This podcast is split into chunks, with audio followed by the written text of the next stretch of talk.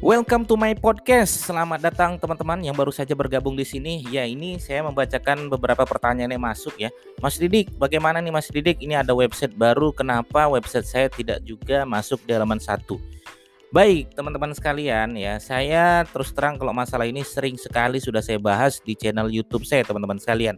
Tapi di podcast ini saya akan coba membahas ya masalah kenapa ada website baru yang susah banget untuk masuk di halaman satu. Oke, yang pertama adalah ya teman-teman sekalian harus tahu yang disebut dengan reputasi sebuah website. Ya, jadi kalau website belum ada reputasinya, ya dia tidak akan bisa masuk di halaman satu. Reputasi itu seperti apa Mas Didik? Reputasi itu adalah sudah ada belum trafficnya, sudah sering belum update artikel, ya sudah sering nggak kita uh, cari muka di hadapan Google gitu kan istilahnya, ya kalau website kita adalah website yang pasif gitu kan, udah tidak pernah update artikel gitu kan, tidak ada traffic di dalam websitenya. Nah, reputasi di dalam sebuah website tersebut ya itu masih jelek teman-teman sekalian. Kalau reputasinya jelek, maka otomatis ya untuk masuk di halaman satu yang sangat berat sekali. Walaupun persaingannya hanya persaingan rendah. Ya. Maka kemarin ada juga tuh.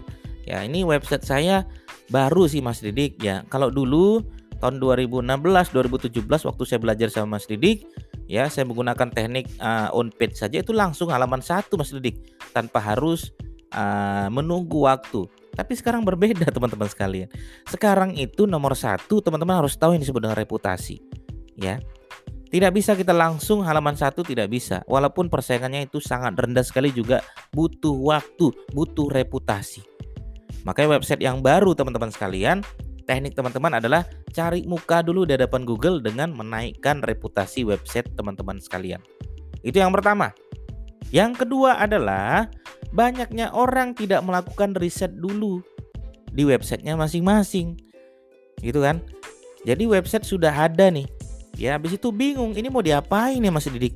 Ah, saya gunakan kata kunci inilah. Ya, saya gunakan asumsi kata kunci inilah. Tidak boleh, teman-teman. Asumsi itu tidak boleh.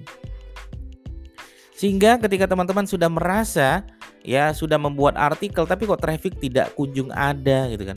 Akhirnya kembali ke awal tadi reputasinya juga buruk ya. Maka teman-teman harus lakukan riset. Nah, saya sendiri melakukan riset itu dua teman-teman sekalian. Apa itu? Yang pertama adalah riset online. Riset online itu seperti apa Mas Didik? Seperti biasa Selalu sering banget saya katakan kepada teman-teman sekalian, riset online tuh banyak sekali teman-teman bisa ketik di bagian Google, ketik kata demi kata, huruf demi huruf, pakai spasi, ketemulah suggest.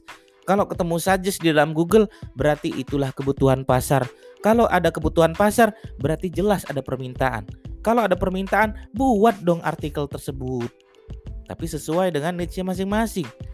Ya, misalnya kemarin tuh ada orang uh, cerita tentang bagaimana ya teknik uh, apa namanya membawa mobil ya bagaimana ya uh, apa namanya mengelola uh, apa namanya mesin mobil ya bagaimana menghadapi ketika ban bocor di tengah jalan itu adalah permintaan-permintaan pasar yang paling banyak dicari oleh orang lain. Di mana? Di online. Namanya riset online teman-teman sekalian. Ya, itu yang pertama. Dari riset online tuh banyak ya. Teman-teman bisa lihat lagi di kwvendor.com. Teman-teman bisa lihat lagi di uh, apa namanya? Uh, ubersuggest.com, keywordrevealer.com dan masih banyak lain ya, masih banyak yang lainnya seperti itu.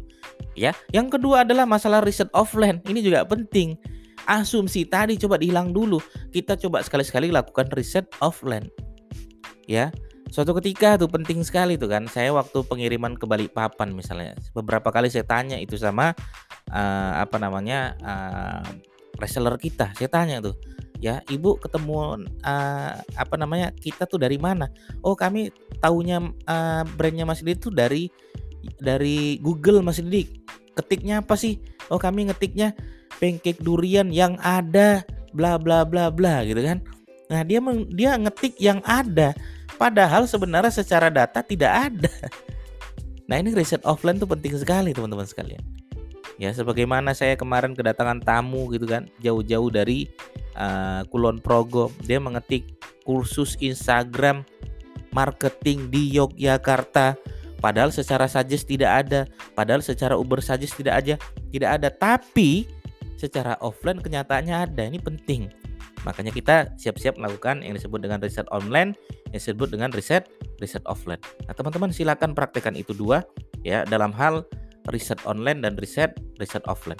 Nah, yang ketiga apa? Yang ketiga adalah teman-teman harus paham yang disebut dengan on page. Ya, teman-teman harus paham yang disebut dengan on on page. Nah, on page itu apa Mas Didik? On page itu adalah teman-teman lihat di situ judulnya. Lihat di situ URL-nya. Lihat di situ deskripsinya. Ya. Nah, judulnya apakah sudah mengandung kata kunci yang targetkan? URL-nya apakah sudah mengandung kata kunci yang targetkan? Deskripsinya apakah sudah mengandung kata kunci yang ditargetkan? Bahkan artikelnya, sudahkah panjang artikelnya? Sudahkah unik artikelnya? Tidakkah copy paste teman-teman sekalian? Itu dipelajari lagi dong. Ya, kalau saya di dalam SEO itu ya itu semuanya tergantung di dalam on page. Kalau kita dalam bertindak itu tergantung dalam niat. Tapi kalau dalam bermain SEO itu semua tergantung di dalam on page.